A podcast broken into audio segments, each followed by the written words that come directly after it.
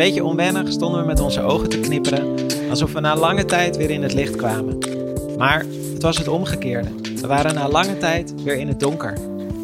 Na 78 dagen gingen vorige week de filmtheaters weer open. Helemaal zoals vroeger is het nog niet. We moeten reserveren, pijlen volgen en afstand houden. Maar zodra de zaallichten uit zijn, merk je daar weinig van. We hebben weer een toevluchtsoord om te ontsnappen aan de sirenezang van pauzeknoppen en telefoons. We hoeven geen films meer te kijken door de vettige vingerafdrukken op ons laptopscherm. En dus gaan wij in de Cineville podcast ons weer vooral bezighouden met de films die je in volle glorie kunt zien. Al zullen we de kleine schermen niet helemaal vergeten, want Vitamine Cineville, ons thuiskijkplatform, blijft voorlopig nog online. Wat onveranderd is, we maken deze podcast vanuit huis. En dat zul je er soms misschien een beetje vanaf horen. Ik ben Erik Schumacher en ik ben redacteur van Cinefiel. En aan de telefoon heb ik mijn collega's Lauren Murphy en Jesse Heinis. Hi. Hallo. Welkom terug, jongens, in, het, in, het normaal, in de normale wereld. Normaal. Waar je weer gewoon. ja, de, de, de, de, de terug, de, het langzame, de langzame terugkeer van het normaal. Ja, welkom terug in het Ehm, nieuwe normaal. ja, Mm. dat wou ik zeggen. Toen dacht ik, oh, het nieuwe normaal. Nee, gewoon niet meer zeggen eigenlijk, nee, Nee, bij deze. Gewoon boycotten, maar ja. in ieder geval, in ieder geval eh, we mochten weer naar het filmtheater. Hoe, hoe was dat voor jullie? Hoe was die ervaring? Beetje Lauren, onwennig. Oh, sorry. En Jesse was nog eerder, Jesse was eerder Jesse. dan ik, dus die mag. ja, ja, ik was, als, Oké. ik was als allereerste bij Studio K. Daar stonden ze de trap nog te stofzuigen toen we binnenkwamen. En, eh, dat was op 1, op 1 juni. Ja, om vijf over twaalf kwamen we binnen. Ja, het was, eh, het was wel een beetje onwennig, maar het was ook gewoon heel fijn om terug te zijn. Inderdaad, gewoon zitten, geen telefoon, donker, groot, groot wit doek. Ja, ik ben heel blij dat het weer mag. Ik ben, ben nog deze week nog twee keer geweest en het wordt steeds, steeds makkelijker eigenlijk, of steeds meer gewoon. Maar wat ik wel vond, is dat bijvoorbeeld Vroeger had je wel eens dat mensen dan gingen praten en dan ging je zo bedenken voor jezelf: oké, ga ik nu zeggen van hé, hey, eh, even stil zijn of eh, ga ergens anders praten? En nu is het meer van als mensen hoesten, dat ik denk: moet ik even vragen of ze wel in hun, in hun elleboog willen hoesten, alsjeblieft? Zeg maar, Ja. Dat is nu zo'n dilemma. Ik had, ik had het in FC Jena, hebben ze van die grote oranje banken en er zat één bank leeg en daarnaast zat nog een bank en er zat de man echt heel hard, heel uitgebreid, één of twee keer te hoesten. Dat ik dacht van, Nou, dat kan echt. ik Ja, had gewoon een hooikoord. Ja, maar ik vind ook niet dat mensen niet mogen hoesten, maar het was echt zo van... Hij had echt scheid. Hij, dacht, Ja. hij ging ook echt totaal niet... Zeg maar, hij voelde zich niet opgelaten of zo. Hij gooide het gewoon eruit. Ook wel lekker, Nee, toch? Dat je in de bioscoop weer zo, zo helemaal jezelf mag zijn, blijkbaar. Ja, maar dat mag dus niet. Nee, dat vindt die man. Mag Maar dat vinden wij niet. Nee. Ja, ik, ik, ik ben de hele tijd allemaal kriebelhoesten aan het inslikken. En Ja. zo. Ik had er net eentje. maar ik zit in mijn eentje thuis nu, dus dat mag. ja, precies, dan mag het. Ja, En, en Lauren? ja ik, ben, ik, ik ben maandagavond ook gegaan, dus 1 juni, ehm, naar de Uitkijk in Amsterdam. Dat leek me een, eh, een leuke, omdat het de oudste is. Hoewel volgens mij daar altijd een soort ruzie met de movies over is. Maar voor mij is de Uitkijk de oudste en de kleinste. En ik wilde ook graag zien hoe ze dan juist in zo'n klein theater dat aanpakken. Maar op de een of andere manier voelde dat daar heel normaal. Omdat het toch al zo intiem is. Dat het helemaal niet... Je bent niet gewend om daar met 300 man in de zaal te zitten. Je zit sowieso met een klein clubje. Dus en Ja. had het heel... En iedereen was super vrolijk. Dat vond ik echt heel erg leuk om te zien. Dat zien we sowieso aan heel veel reacties van pashouders. Dat het echt een soort feestje is. eh, voor de theaters en voor de mensen die, eh, die voor het eerst weer naar de film gaan. En eh, later in de week ben ik ook nog naar FC Jena geweest. En daar heb ik ook lekker gegeten. En zo, dat voelde eigenlijk echt super normaal. En die hebben allemaal hele leuke, felle kleuren eh, routes op de grond uitgestippeld. Maar dat werkte voor mij dus totaal niet. Want ik dacht, ik vond het alleen maar heel mooi. Maar ik ging niet per se één bepaalde kleur volgen of zo. Volgens mij magenta of zoiets neonroze voor de kassa. Maar ik liep gewoon met geel naar de toiletten toe. Of zo. Een soort ja. blind. Nee, dus eh, ja, ik, had, ik, ik, vond, nee, ik vind het eigenlijk gewoon heel normaal voelen. Ik, heb ook wel, ik ken ook wel vrienden die zeggen van, "Nou, ik vind dat toch ook nog wel een beetje spannend. Maar ik, eh, nee, dat, ik voel me helemaal niet opgelaten of vreemd. Ik vind het echt heel tof hoe ze allemaal zo hun best doen om, eh, om er iets moois van te maken. Dus voor mij kwam het heel dicht bij de reguliere ervaring eigenlijk. Ja, voor mij niet. Ehm, Mooi. nee, het was, nee, het was gewoon het was, uh, anders dan anders. Uh, want ik was naar... Uh, mijn, mijn eerste filmbezoek was in AI naar zaal 2. En daar hebben ze een soort van de, een, een huiskamer opstelling. Ah ja, dat is super anders. Ja. Um, uh, dus ja, die hebben eigenlijk het hele fenomeen bioscoopzaal uh, maar gewoon opnieuw uitgevonden. en alle, alle stoelen daaruit gehaald. En um, je zit daar dan dus eigenlijk op een soort, ja, op een soort fauteuil aan een, aan een tafeltje zit je die film te kijken. Uh, Wauw. Dus heeft dat niet, is dat ook wel, wel leuk? Lijkt me ook heel leuk. Ja, ik vond het heel grappig. Ik weet niet of ik dat nu elke keer wil. Uh, ik miste ook wel, ik dacht ook wel van, oh ja, dan ben ik zo lang niet geweest en dan zit ik in een gekke zaal. Ah, ja. maar ik wil ook gewoon mijn, mijn voeten tegen de rug van uh, de stoel voor me ja. kunnen zetten. Maar in zaal 1 zullen ze dat wel gewoon hebben nog. Ja, dat ja, kan niet zeker. weg. Ja. Nee. Ik vind dat ook wel leuk dat ze misschien met de kleinere ruimtes dan nu creatief om gaan springen.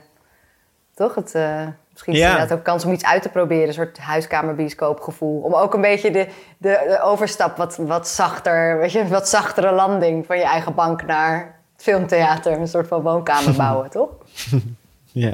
Ja. Het is ook wel fijn dat iedereen is natuurlijk een beetje verdeeld over de zaal. Waardoor het, het is lang niet uitverkocht, maar het ziet er wel gewoon druk uit. Zo van, oh ja, we zitten nu met z'n Ja, dertigen, maar het voelt wel als Ja. een echte vrijdagavond. Alsof we met z'n allen naar de film gaan, Ja. vind ik. Het is niet, ik was een beetje bang dat je daar dan zo, ja, een beetje klinisch afstand van iedereen, dat het dan meteen ook heel leeg is. Maar juist omdat iedereen ook echt verdeeld wordt van tevoren, zit iedereen ook mooi verdeeld. Dus dan toch een beetje gezellig ook wel. Ja, en ook, ik had bij de uitkijk, wij gingen naar Do the Right Thing op eh 1 juni. En er was net ook die demonstratie geweest. Natuurlijk een super relevante film. En ik merkte dat omdat het zo'n klein clubje mensen was die daar zaten. Dus ik weet niet met hoeveel je daar dan uiteindelijk zit. Maar dat eigenlijk iedereen heel graag na wilde praten. Dat het bijna voelde alsof je met een groep vrienden naar de film was.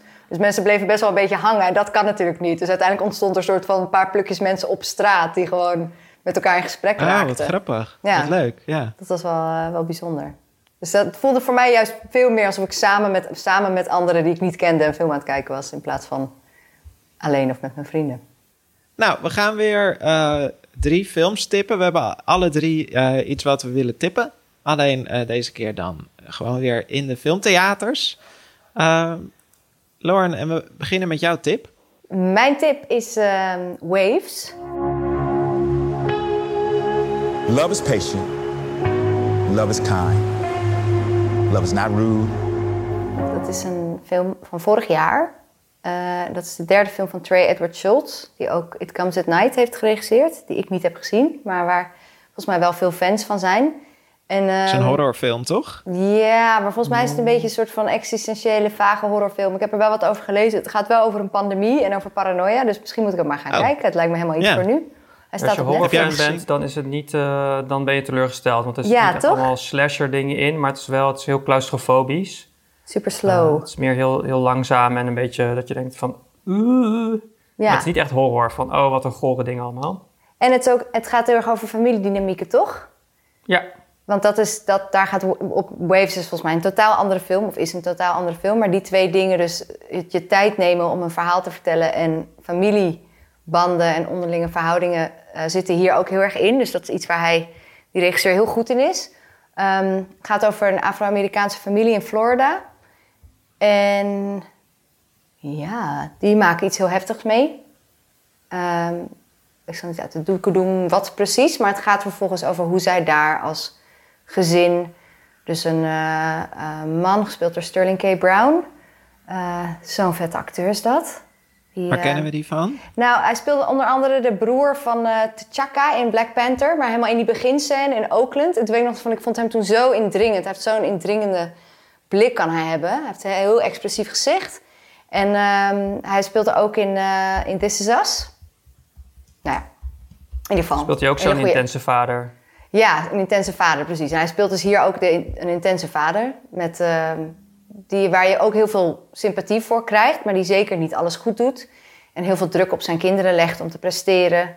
Ehm, om, zoals hij het omschrijft, tien keer harder te rennen dan, dan, eh, dan de rest om succesvol te zijn. En dat, dat, dat werkt, gaat op een gegeven moment ook tegen hem werken. Maar ik vond het heel. Ik heb, ik heb hem dus eerst in het vliegtuig gezien, deze film. Onderweg naar Zambia. En dat doet het echt helemaal geen recht toe. Dus ik heb hem dit weekend weer in FC Jena gekeken. En ik was zo blij dat ik hem op groot scherm kon zien. Want het, is, hij duurt 2,5 uur. Het is met heel mooi camerawerk. Super mooie muziek. Van eh, Trent Reznor en Atticus Ross. Die ook uh, de Social Network en Mid-90s en zo hebben gedaan. Mid-90s vond ik ook al zo'n mooie soundtrack. Dus een beetje tussen dromerig, maar ook een beetje dread zit erin. En, um, maar ook heel veel hits, toch? Die soundtrack en heel veel hits, uh, precies. Het is echt super duur banging, dat zijn ja. geweest. Frank Ocean en... Ja, A$AP Rocky en Kendrick Lamar en Animal Collective en uh, Tyler, the Creator. Ja, echt iedereen ongeveer. Amy Winehouse, Colin Stetson, het houdt niet op. En het, volgens mij zit ja, ik er las ook... dat hij... Uh, ja? Ik las dat die, dat die regisseur gewoon zelf uh, brieven is gaan schrijven. Ja. En, en, net, als, net als Greta Gerwig dat heeft gedaan met... kom, hoe heet haar eerste Lady film Bird. ook alweer? Nee. Lady Bird natuurlijk. dat, gewoon, dat je gewoon heel erg een bepaald nummer in je hoofd hebt bij een scène. En dat is Ja. dan gewoon best wel lastig te regelen via advocaten en zo. Maar Ja, als je, ja, dat je dan heel erg probeert om de muzikant te overtuigen van deze scène, daar hoort gewoon jouw muziek bij. ja.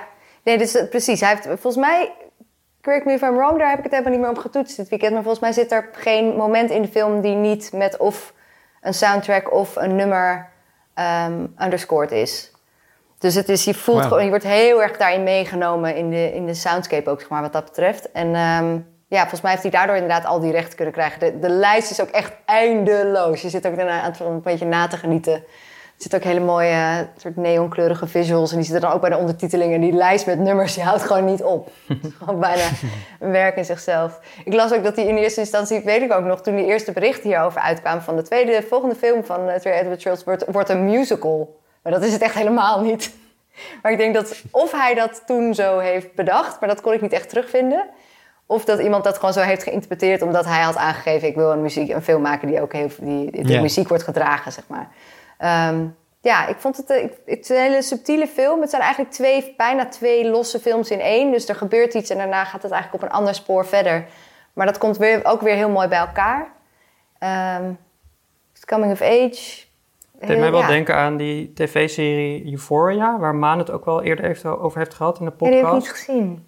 Het gaat ook heel, heel erg over, ja, er zit ook een heel belangrijke rol voor de soundtrack, heel erg zo van nu. En heel erg over de, de, hoe het is om jong te zijn in Amerika. Ja. En eh, dat zat hier ook heel erg in van, ja, hoe is het om eh, ruzie te maken via sms'jes of zo, via WhatsApp-berichten. En Ja. dat gevoel van, van hoe het is om naar een feest te gaan of om heel erg verdrietig te zijn als je eh 18, 19 bent. Dat, dat, Ja. en het drugsgebruik, het feesten, maar ook het, gewoon het verdriet wat daarbij hoort. Ja, en ook dat ook gewoon het, het opioid, het, het, het opium, of het, eh, pijnstiller Ja, oh ja, ja. gebruik. Dat zit er ook in. Maar dat wordt ook op een hele... op een manier dat je echt begrijpt hoe dat kan gebeuren. Ja. Ehm, als, weet je, de ambities zijn torenhoog en de verwachtingen. En als je daar dan niet aan voldoet, wat, een, wat voor een verlammend effect dat kan hebben. Maar er zit ook heel veel warmte en liefde in. Ik vond uiteindelijk, weet je, nou ja, ik ben sowieso echt een zakker voor gesprekken tussen vaders en dochters. Dan kan je me gewoon opvegen. Vaders en zoons ook trouwens gewoon. Dan, eh, dus er zit, er zit één hele mooie scène tussen vader en dochter in... waar ik gewoon, nou ja, echt hartverscheurend op moest huilen. Ehm, maar inderdaad, wat jij zegt, ook die ruzies over WhatsApp... dat vond, voelde ik ook echt. Er zit op een gegeven moment een ruzie tussen de, de, de jonge, zeg maar, de jonge man van het gezin... en zijn vriendinnetje. En dat ontspoort zo snel, maar je snapt wel volledig hoe dat kan gebeuren. Als je dat zelf een keer hebt meegemaakt. Is dat ook op een goede manier in beeld gebracht? Want dat is vaak best wel lastig met WhatsApp-gesprekken. Ja, ze, ze brengen dus. ehm, eh, je zit op een gegeven moment gewoon de hele tijd te wachten op wat zij terug gaat zeggen. En dat gevoel. Aan het typen. Ja, dus is die puntje, puntje, puntje, puntje. Dat, zie, dat wordt heel goed in beeld gebracht, ja. Met dus ook de muziek erin. Dat, helpt daar ook heel erg bij. En dan wordt gewoon helemaal ingezogen. Ehm, ja, dus ik, ik, ik, ik denk dat, dat het misschien niet voor iedereen is. In de zin van het is, het is best traag. En het zijn bijna inderdaad twee films in één. Maar als je daar gewoon helemaal in onderdompelt... Dan, Maar het is niet ehm, traag, traag. Ik bedoel, het, zeg maar, er, er gebeurt echt superveel. En die camera staat ook geen moment stil of zo. Het is, het is, Nee, niet zo, dat het is wel 2,5 uur en het gaat puur over een paar, paar momenten. Of het is niet echt een soort van... In die zin niet echt een verhaal, maar wel met zoveel eh, ja, energie gebracht eigenlijk of zo. Dat Ja, heel veel energie, maar ook heel veel. Wat ik, wat, zeg maar, het, het, neigt ook naar bijna. Weet je, die, bijvoorbeeld die kleurenfilters die ze gebruiken, zodat het, bij, het bijna een soort hipster kleurgebruik. Daar kan het, weet je, dus het had ook heel makkelijk de plank mis kunnen slaan. Maar omdat, ook omdat die centrale performances en dat acteerwerk vond ik zo goed... dat het daardoor dat helemaal overstijgt. Of zo. Dat het, niet, het is niet een soort een, oh, A24 uh, hipsterfilm geworden. zeg maar, dat, dat is... Beetje dat ze maar. het, een beetje. een beetje, maar dan, maar dan wel heerlijk. nee, het gaat ook, het Ja, ik gaat ben- ook daadwerkelijk. benieuwd. Ja, Ja, Waves. ja, vooral op het grote scherm zien met heel mooi geluid. Nou, ik wil eh, niet een eh, film tippen, maar meteen maar een heel retrospectief. Bam. Het gaat om het eh, retrospectief van Chantal Ackerman. Dat is nu te zien in AI. Eh, er hoort ook een tentoonstelling bij. En twee van die films gaan op reis door het hele land. Dus je kan eigenlijk in heel Nederland meegenieten. Ehm, ja, zij, eh, Chantal Ackerman is een, eh, een, een Belgische filmmaakster. In 1950 geboren in Brussel. En eh, zij is toen op haar achttiende naar de filmacademie gegaan. En daar heeft ze het, nou, bij wijze van spreken, na, na twee uur weer helemaal gezien. Ze is naar New York verhuisd en heeft zich daar helemaal ingedompeld. Ondergedompeld in het werk van Andy Warhol en Stan Brakhage en Jonas Mekas. En al die experimentele filmmakers die daar toen school maakten. Ehm, dus ja, zij was eh, ja, van meet af aan eh, lekker onafhankelijk. En toen op haar 25ste maakte ze een film waarmee ze eigenlijk in één klap haar, haar plek veroverde in de filmgeschiedenis. En eh, die film is Jean Dierman, 23 Quai de Commerce, 1080 Bruxelles. Ah, mooi. Ik heb geoefend, maar hij kwam er alsnog niet helemaal goed uit. Ehm, maar als ik het vaak genoeg zeg, net zoals met Portrait la jeune fille en feu, Kijk, dat gaat op een gewoon... gegeven moment moet het lukken. Ehm, ja, het is een, ja, een, een van de mooiste filmtitels, denk ik wel, uit de filmgeschiedenis. Het was misschien niet helemaal te volgen toen ik het uitsprak, maar het is dus het, eh, het huisadres van Jean Dierman in Brussel. En ehm, haar huis, dat is ook de plek waar de film zich eh, grotendeels afspeelt. Ehm, en ja, in de termen waarmee we gewend zijn over film te praten, gebeurt er niks in deze film. Nee, inderdaad, als ik net zeg dat. Waves een beetje traag bijna. is, dan is, dat neem ik helemaal terug. oh, dat is heel relatief opeens. Ja. Ja, nee, in deze film, ehm, hij, hij duurt drie uur en twintig minuten. En eh, ja, we volgen dus Jean Dielman, ehm, een huisvrouw gedurende drie dagen. En ja, ze, doet het huishouden. Eh, je zit eh, bijvoorbeeld gewoon te kijken hoe ze de aardappelen schilt. Dat zijn ook statische shots. Uh, nou, dan is er op zich wel wat je zou zeggen van nou, sensatie. Je- ze ontvangt elke dag een man met wie ze seks heeft tegen betaling. Maar dat krijgen we dan weer juist niet te zien. Ehm, ja, en toch vind ik het helemaal geen eh, saaie film. Dit zijn eh, aardappelen met zeggingskracht. Ehm, en het, eh, Waar zit dat het dan zet je in? aan. een- Ja, ehm, Ik, heb het dus, ik, Nou. ik kan niet wachten om naar AI te gaan. Want het, ik, tot mijn grote schaamte heb ik nog nooit iets van Chantal Akerman gezien. En wel natuurlijk heel veel over gelezen. En misschien soms wel ook gedaan alsof ik iets had gezien. en nu kan ik eindelijk eh, het allemaal misschien wel in één klap gaan kijken. Dat vind ik wel heel fijn. Dus ik ben heel benieuwd wat, zeg maar, waar, waar dat hem dan, waar, waarom het dan niet saai wordt. Nou. Ja, nou, als we het bij die aardappelen houden. ehm, op een gegeven moment. nou ja, ze kookt dus elke dag aardappelen. Maar op, eh, op een gegeven moment. Laat ze die te lang opstaan. Ja, ik vind het dus. ja, als je erover praat, je merkt van ja, oké, dit klinkt niet spannend, weet je wel. Maar het heeft, het heeft enorme betekenis in. als je dat personage leert kennen. En dat die aardappelen dan te lang opstaan, dat zegt gewoon heel veel over haar op dat moment. En wat er in haar omgaat. En ehm, het, het feit dat dat soort dingen spannend kunnen zijn, eh, zet je ook aan het denken over de verhalen die we gewend zijn te vertellen. En de onuitgesproken ideeën die, eh, die schuilgaan achter wat, ja, en de machtsverhoudingen eigenlijk, die schuilgaan achter wat normaal gesproken geldt als de moeite waard eh, om te vertellen. Ik moest denken aan. eh, toen ik, ik heb geschiedenis gestudeerd en toen hadden we in het eerste jaar een, een boek en dat ging dan over de geschiedenis van de, van de beschaving. En dan in elk, uh, of de westerse beschaving moet ik zeggen. En dan uh, begon dan bij de klassieke oudheid en in elk hoofdstuk was dan op het einde was nog een soort stukje vrouwengeschiedenis. En dat was altijd zo sumier en dat maakte eigenlijk meteen zo duidelijk dat, dat in dit boek helemaal niet de hele geschiedenis stond. Maar uh, het deel van de geschiedenis dat is vastgelegd. Dus dat, dat, ja, dat, dat gaat over welke verhalen vertellen we. En die spelen zich af in, de, in de mannenwereld, historisch gezien. En dus uh, buitenshuis. En ehm, wat er, wat er binnenshuis gebeurt, is natuurlijk ook super belangrijk en super interessant. Maar dat zijn niet de verhalen die we, die we gewend zijn te vertellen. Dit soort dingen, de routine van een, van een huisvrouw. En je ziet ook in haar wereld dat mensen zich niet in haar uh, interesseren. Hm. Um, en dat is dus iets waar Chantal Akerman zich wel heel erg uh, voor interesseert. Um, het zit ook in haar andere films. Um, als je dus op, op uh, loop- of fietsafstand uh, woont van AI, is het heel leuk om naar die expositie te gaan die erbij hoort. Je kunt daar bijvoorbeeld kijken naar haar eerste short die ze maakte toen ze 18 was, toen ze net van, de, van de filmschool was weggelopen. die heet Saut ma vie. als ik het goed begrijp, betekent dat blaas mijn stad op. en dat is een soort spiegelbeeld van Jean Dielman nou ja, die lange titel.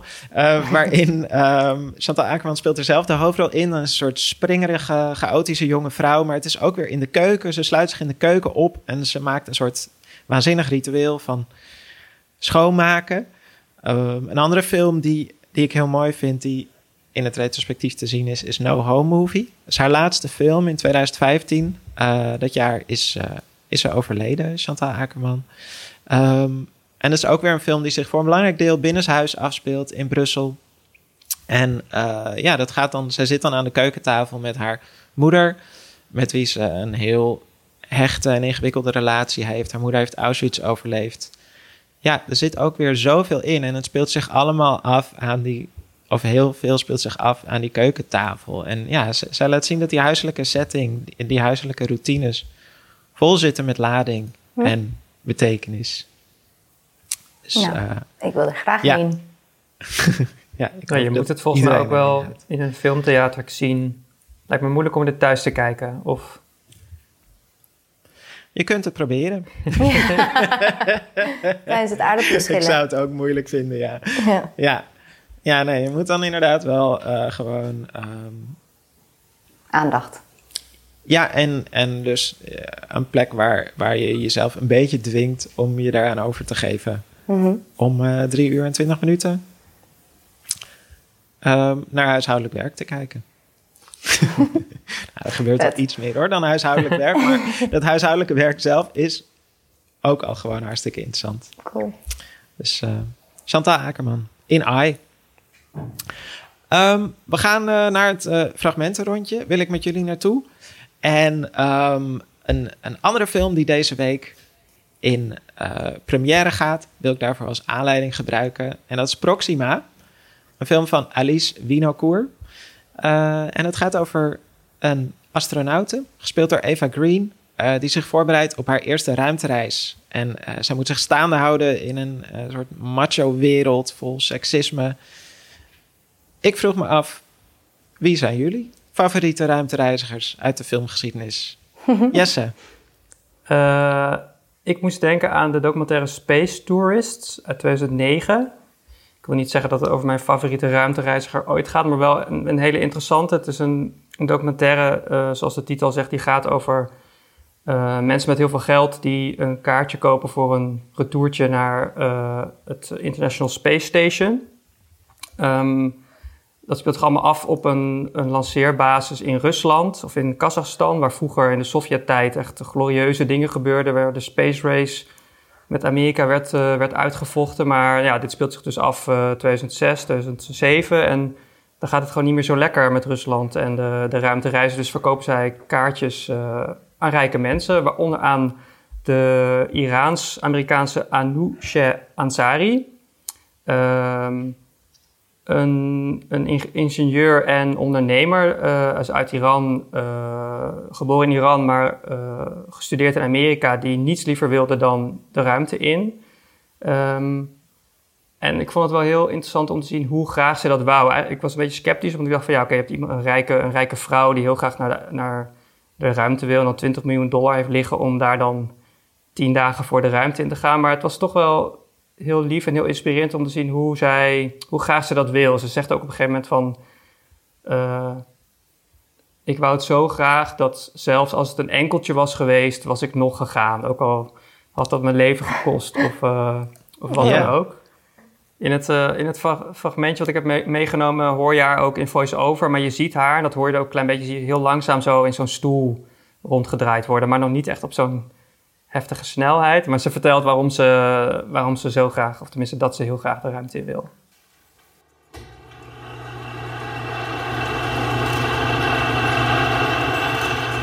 I, I never gave up on the idea that one day I will fly to space. I had even a backup plan that if everything else failed, I had told my husband that when I die, if I had not flown to space, you have to make sure that somehow you get my ashes, at least a little bit of it, into space. I think if you really uh, want to do something and you're not shy about talking about it, you will come across people. The universe will align to help you get to your dream. Lauren, wie is jouw uh, favoriete ruimtereiziger? Uh, ik dacht natuurlijk eigenlijk eerst meteen aan Ripley uit Alien. Maar mijn liefste favoriete ruimtereiziger, afgezien van E.T., is uh, Wally en Eve van, uh, van Pixar. Um, want die doen eigenlijk niet... Nou, als, als het zo, zo is als zij, dan wil ik best naar de ruimte. dat lijkt me nou wel leuk. Dat soort het gewichtloze en daarmee kunnen spelen, dat lijkt me heel tof. Dus Wally is, uh, voor wie hem niet heeft gezien, een animatiefilm uit 2008. En het gaat over een tijd, volgens mij de 29e eeuw of zo... waarin de aarde helemaal een grote trash... Uh, een groot vuilnisbelt is geworden. En um, op de aarde is één eenzaam vuilnisrobotje achtergelaten. Door de mensheid die allemaal op een of ander schip er vandoor zijn gegaan... en in een soort hele grote, dikke, uh, immobiele pot zijn veranderd. De mensen dan, hè? En dat robotje is daar gewoon nog heel hard aan het werk om alles schoon te maken, Wally. En op een gegeven moment ontmoet hij dan, komt er een ander robotje, Eve, die um, die, ont, die, die ontmoet hij daar, die neemt hem mee. En zij is op zoek naar planten. Dus naar leven op aarde eigenlijk. En hij heeft een plantje. Nou ja, ik zal het verder niet allemaal uit de doeken doen, maar ze worden verliefd op elkaar. Het is allemaal heel schattig. En um, ze maken hele lieve geluidjes de hele tijd. Dus het is een soort van, voor de Yoda-fans onder ons, is gewoon echt genieten. Sowieso de stem van, van Wally, dat is Ben Burt. En die heeft dus ook E.T. gedaan. Echt? Ja, en R2-D2. Gewoon met zijn eigen stem. Dat is oh, allemaal dus, dus niet met synthesizers. Gewoon, ik, nou, die is inmiddels best oud, maar hij leeft nog wel. En E.T. schijnt bijvoorbeeld gebaseerd te zijn op een vrouw die hij had ontmoet een keer in een winkel die zoveel had gerookt dat ze een beetje zo. dat ze een beetje zo praten.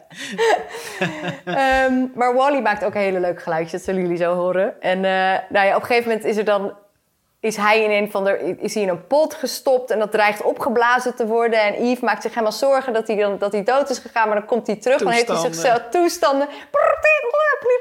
Heeft hij zichzelf weten te redden door met een brandblusser zichzelf uit die potten te schieten. En dan ontdekt hij hoe heerlijk het is om met zo'n brandblusser door uh, het heelal uh, door de, te, te zweven. Want hij kan zichzelf er natuurlijk mee afzetten. En dan gaan ze dansen. En het is echt ja. En in de ruimte is, is er geen geluid, maar daar trekken de meeste films zich gelukkig niet. Gelukkig in dit geval dus we gaan nee. het toch, het, gaan het, het is bijna alleen maar geluid.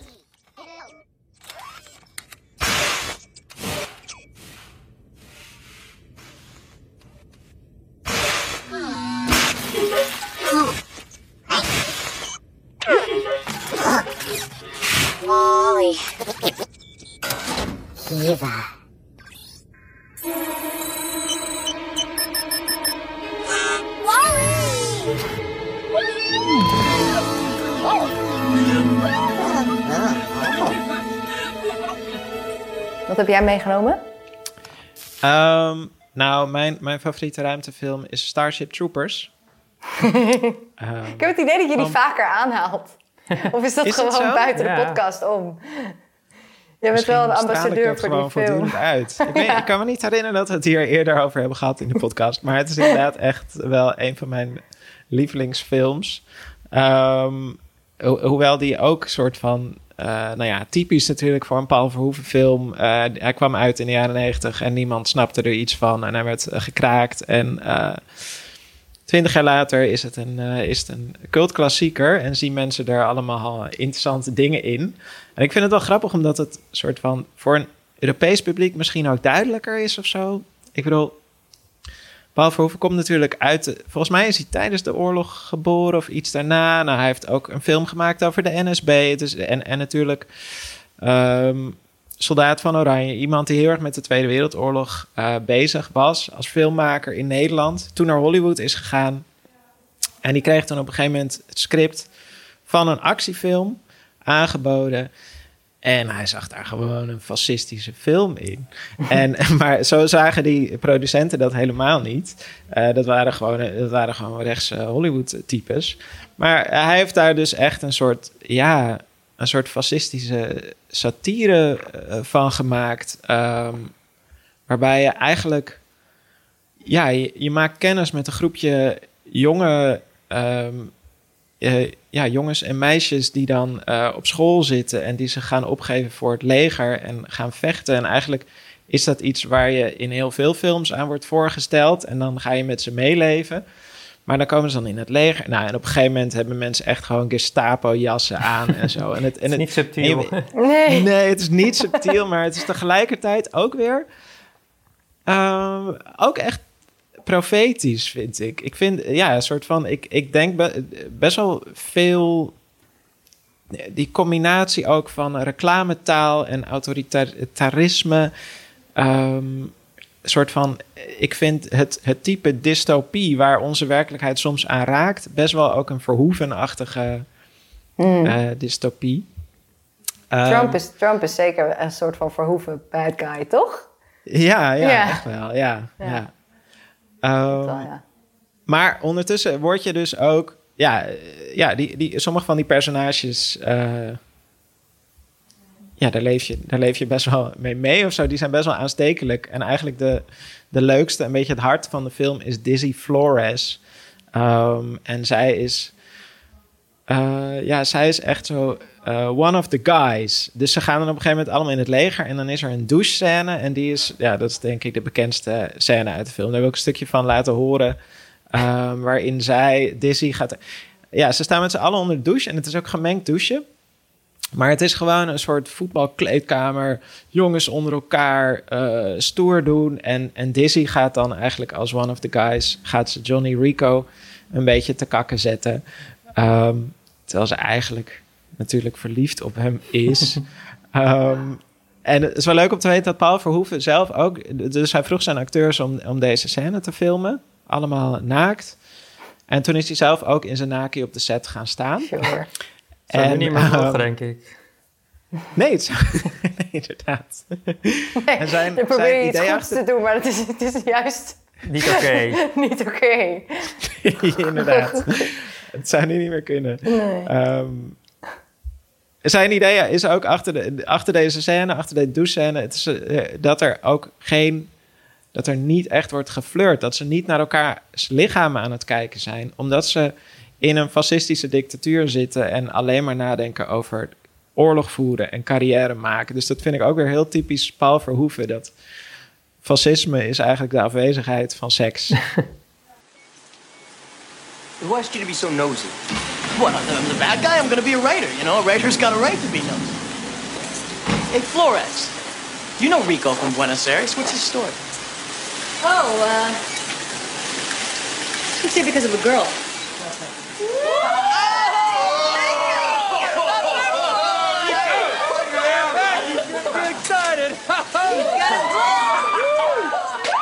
We gaan eh, naar de filmtip van Jesse.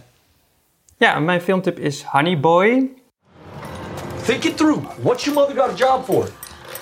Just in case. In case what? I In don't case you fail. Eh, dat is een film van de Israëlisch-Amerikaanse regisseur Alma Harel. Ehm, zij is documentairemaakster. Uh, ze heeft onder andere Bombay Beach gemaakt, een film over een jongetje en een al wat oudere jongen en een oude man in, uh, in Amerika in een wat achtersteld gebied. Hoe zij uh, ja, het leven een beetje leven. En ze is ook videoclipregisseur. Onder andere heeft ze een videoclip gemaakt voor Sigo Ros met acteur Shia LaBeouf. En sindsdien hebben zij, uh, Alma en hij hebben een goede, goede verstandhouding, goede relatie. En uh, zo kwam het dat uh, Shia LaBeouf vanuit het afkik, vanuit de afkikkliniek waar hij zat om van zijn alcoholverslaving af te komen, haar een scenario opstuurde, of een verhaal opstuurde eigenlijk, die hij als opdracht daar had gemaakt over, ja, over zijn leven, over zijn relatie met zijn vader. En samen hebben ze dat ontwikkeld tot, tot deze film, tot Honey Boy. Wat ja, dus eigenlijk een soort van biografie is over het leven van, van Shia LaBeouf. Um, en het mooie is, en dat was ook een idee van haar, dat Shia eigenlijk zijn eigen vader speelt in dit verhaal. Dus ze hebben hem wat kaler gemaakt en een gek brilletje gegeven. Dus het is een soort van therapie in therapie vermaakt tot een soort film. En dat werkt eigenlijk best wel goed. Ja, want zonder dat het een soort e- enorm ego-document is of zo. Ja, want vaak heb je dat wel van... oké, deze acteur maakt nu een film over zijn eigen leven... en dat is een soort van een grote ophemeling... of een soort excuus voor alles wat hij heeft gedaan. En nou ja, dat zit hier ook wel een beetje in... dat hij gewoon probeert uit te leggen. Want ja, hij heeft, hij heeft gewoon niet zoveel fraaie dingen uh, gedaan. Op een gegeven moment hij... Uh, ging volgens mij met alcohol achter het stuur en werd toen opgepakt door twee agenten. En toen heeft hij ook uh, racistische en vrouwenvriendelijke taal uitgeslagen. En daarna is hij dus opgenomen. En met deze film uh, ja, maakt hij toch eigenlijk wel een beetje zijn comeback. Hij is nu ook wel weer helemaal opgenomen in Hollywood als een soort van tweede kans heeft hij gekregen. Um, maar ja, het is gewoon wel, los van of je hem nou heel interessant vindt of niet, is het gewoon een hele mooie film over, over dus, uh, ja, een kindacteur, want dat was hij. Als, op jonge leeftijd was hij uh, hoofdrolspeler in een Disney, Disney-serie. Um, en zijn vader begeleidde hem toen, maar zijn vader was, ja, dat is niet echt de father of the year. Die, die had ook een soort ex, uh, ex-verslaafde en slechte relatie met zijn moeder. En een clown. en dat zit, ja, een voormalige clown. Het was het allemaal niet gelukt. Dus dat zie je ook wel vaker dat dan zo iemand dan probeert... wat hem niet gelukt is, zeg maar... zijn zoontje dan wel te laten lukken. Um, of dat hij een opstand gaat leiden in Gotham City. Wat? Het was niet Joker. oh, ik had de clown link even gemist, toch? Hè? ja. Maar dat maakt hem wel extra tragisch of zo. Dat, er zitten ook wat beelden tussendoor dat je hem ziet als clown met een soort kip op zijn hoofd of zo, dat hij op zijn kop staat. Oh, het is zo sad. Het is ja, gewoon... hij moet dan net van die snabbelklusjes doen in zijn clownkostuum of zo. Het is gewoon... Maar het is ja. gewoon best wel, ik weet niet, het zal, het zal onder andere iets mee te maken hebben dat hij dus eigenlijk zijn, zijn eigen leven speelt, maar ook dat zij, zij schijnt ook, haar ouders of haar vader schijnt ook alcoholisten zijn geweest. Zij komt ook een beetje uit een, een, een, een, een moeilijk gezin. Ze hebben elkaar daarin ook gevonden. Mm. Dus zij kan dat zijn je gewoon verhaal heel erg ook merkt dat ze allebei heel goed begrijpen met, met, oh, waar ze het over hebben. En dat, Ja. uh, ja, en dat, het is ook niet heel erg, uh, wat je ook wel vaak ziet in biografie, dat het dan een soort van begin heeft en dan een soort hoogtepunt en dieptepunt en dan komt het toch weer goed. Het is echt een beetje heel erg, het gaat echt over die relatie tussen die vader en de zoon, maar je ziet ook, uh, ik ben even zijn naam kwijt, maar die jongen die ook in Wave zit. Die speelt dan nu de rol van Shia eigenlijk. Lucas Hedges. Lucas Hedges. Ah, ja. uh, die speelt dan Shia als 22-jarige. En dan heb je nog een, een ander supergoeie jonge acteur die hem dan speelt als 12-jarige. Dus er Ja, is ook de tussen verschillende periodes. En het is gewoon... Ja, dat, daardoor verdiept het ook heel erg. Omdat het echt puur over, over hem gaat en over wat hij heeft meegemaakt. Ja, en ik denk Eh. ergens dat doordat hij zelf zijn vader speelt, hou je ook. Je vindt, je vindt hem wel een lul. natuurlijk, zeg maar, dat, is, dat is hij vaak genoeg in die film, maar, maar ook weer niet helemaal. Dus je snapt ook wel echt waardoor hij. Deels ook waardoor hij is wie hij is. Of doet wat hij doet. En dat, dat ik me ook kan voorstellen dat als iemand anders, als dan Shia LaBeouf iemand anders zijn vader had laten spelen of zo, dat dat dan sneller Ja. naar de andere kant was omgeslagen. Dat hij nu, nu kan hij ook precies erin dat, dat soort fijne dingen erin leggen, waardoor, waardoor het een volwaardig karakter wordt, wat je, wat je begrijpt. Omdat hij het zelf ook, volgens mij houdt hij ook van zijn vader. Toch? Ik las ook van Ja, ze waren wordt wel heel duidelijk, ja. ja, zijn ouders waren wel ehm, teleurgesteld Nee, natuurlijk rol- en geschrokken. Maar, maar volgens mij zijn ze niet helemaal gebrouilleerd of zo. Dat zal deels ook daarmee te maken hebben misschien. Ja, door die rol te spelen moet je je er natuurlijk gewoon heel erg in verplaatsen. En ga je vanzelf. Dat is altijd je opgave, denk ik, als acteur. Ook als je een, iemand speelt die verschrikkelijke dingen doet. Dat Ja. je zelf in je hoofd een soort reden moet vinden hoe je op die, hoe je op die plek komt. Mhm. Hoe je op dat punt komt. En misschien ook je opgave als kind om je ouders op die manier te zien. Toch? Ja, het is een, eh, een interessante therapieoefening, maar het Ja. heeft dus ook een, eh, een, een mooie film opgeleverd. Ja, als film werkt het ook heel goed. Het ziet er ook heel vet uit. Het is ja, een beetje, ook een beetje dat videoclipachtige, met van dat kunstlicht. Het is ook van, de, van Natasha Breyer, de cinematograaf van The Neon Demon. En zij heeft ook clips gemaakt voor FK Twigs en Rihanna en The Weeknd. Dus het is ook wel, het ziet er gewoon echt wel vet uit. Het is En FK Twix zit er ook in. Ja, zit er ook Speelt in. een hele mooie rol. Een heel klein rolletje. Ja, maar wel, wel een belangrijke. Nou, ik Nog heb een aanrader. gezien, maar ik, ik ga er zeker heen. Ja, Ja. klinkt heel interessant. ja, en toch stiekem hebben we toch ook Shia LaBeouf al, al die jaren niet helemaal ehm, met de nek aangekeken of zo. Toch, ik, ik, ik moet zeggen dat deze film ook voor hem weer in een ander daglicht heeft gesteld voor mij als acteur en als mens of zo. Dat je ook denkt, oh ja, oké. Dat is natuurlijk wel een luxe die hij heeft, zeg maar. Ik wil, er Zeker. zijn heel veel acteurs en ma- en makers die voor veel minder zijn verketterd en nooit meer terug mogen komen. Ja. Of daar tien jaar op moeten wachten. Ja, niet om goed te Eh, praten, nee. Dus het is... eh, ja, het is, in die zin heeft hij dat ook wel... Heeft, heeft hij natuurlijk ook wel geluk gehad dat hij in zo'n zo'n milieu zit. Dat, dat hij ook de kans krijgt, ook van die regisseur... die helemaal heel erg in hem gelooft en hem die kans geeft.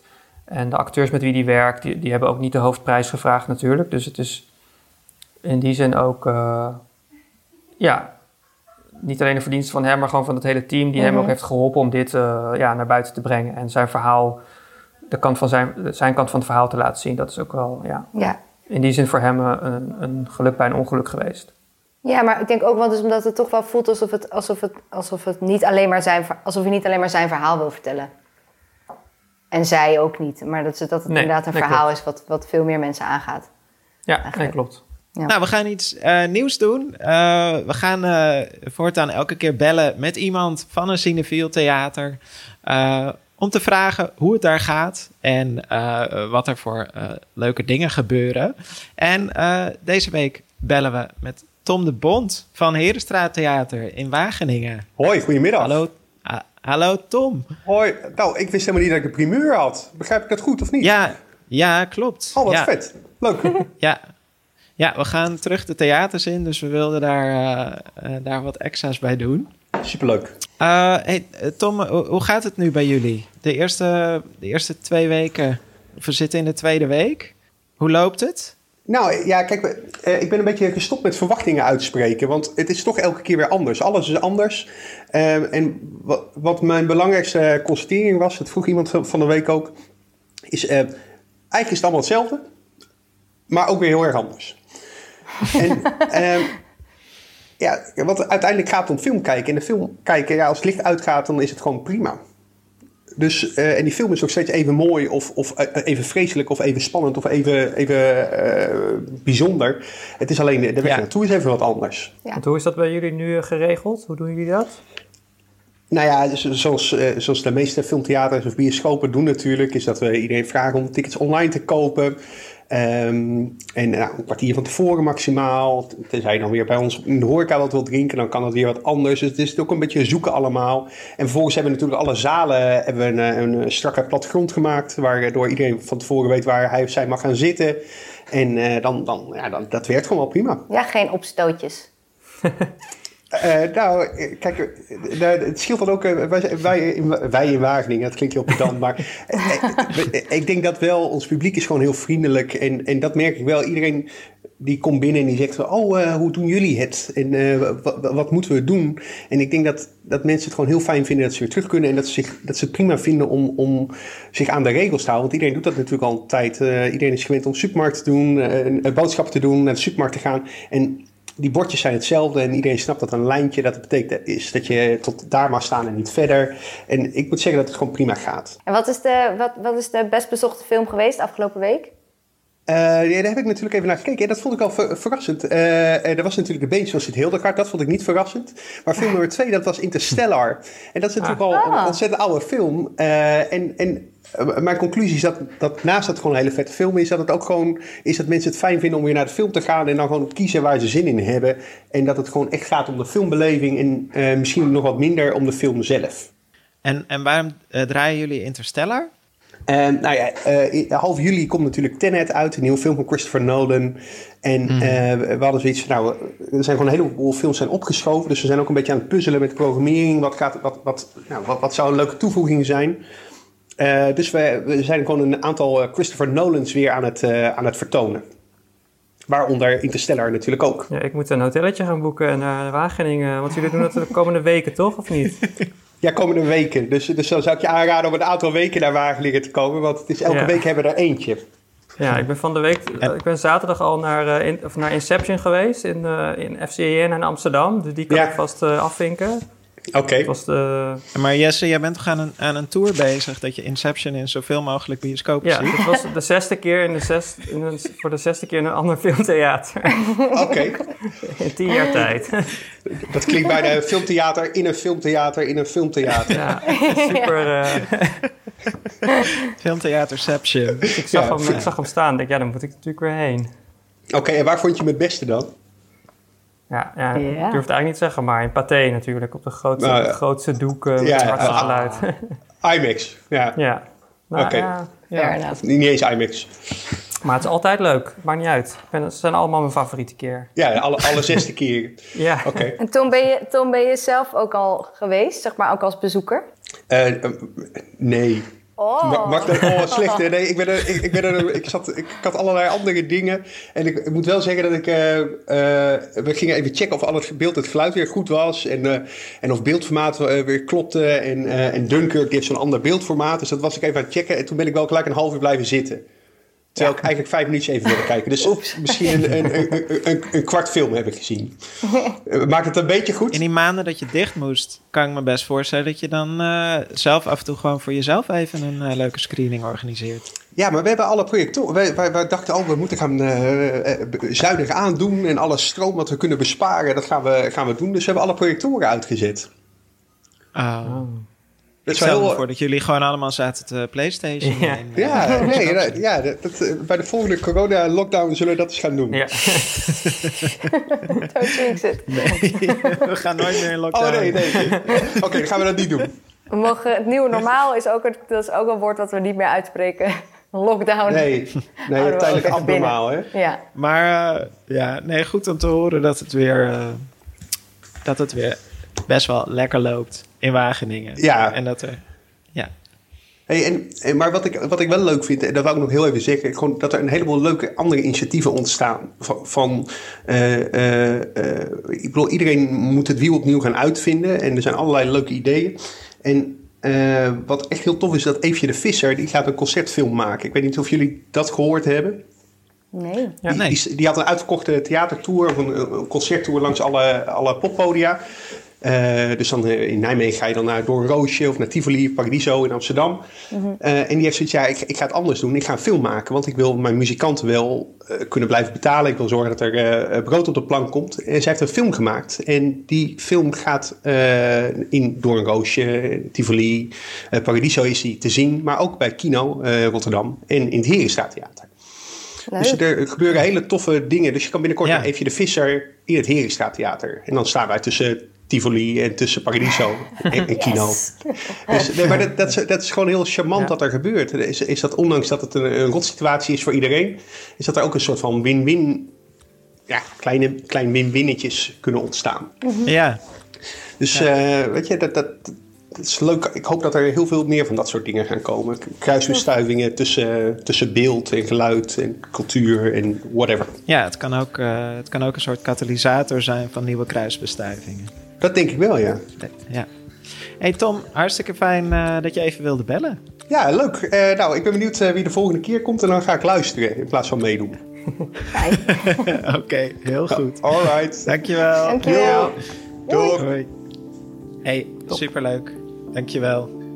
Nou, dit was hem. Onze eerste Terug naar Normaal podcast. Eh Lauren en Jesse, ook jullie bedankt voor het bellen. Yes. De titels van alle films waar we het vandaag over hebben gehad, die vind je in de show notes. Wil je iets terugzeggen tegen ons? Doe dat vooral. Je kunt mailen met podcast.cineviel.nl en tweeten met cinevielpod. Over twee weken zijn wij er weer. Als je even abonneert op deze podcast, krijg je vanzelf een seintje. Heel graag, tot dan. Doei. Doei!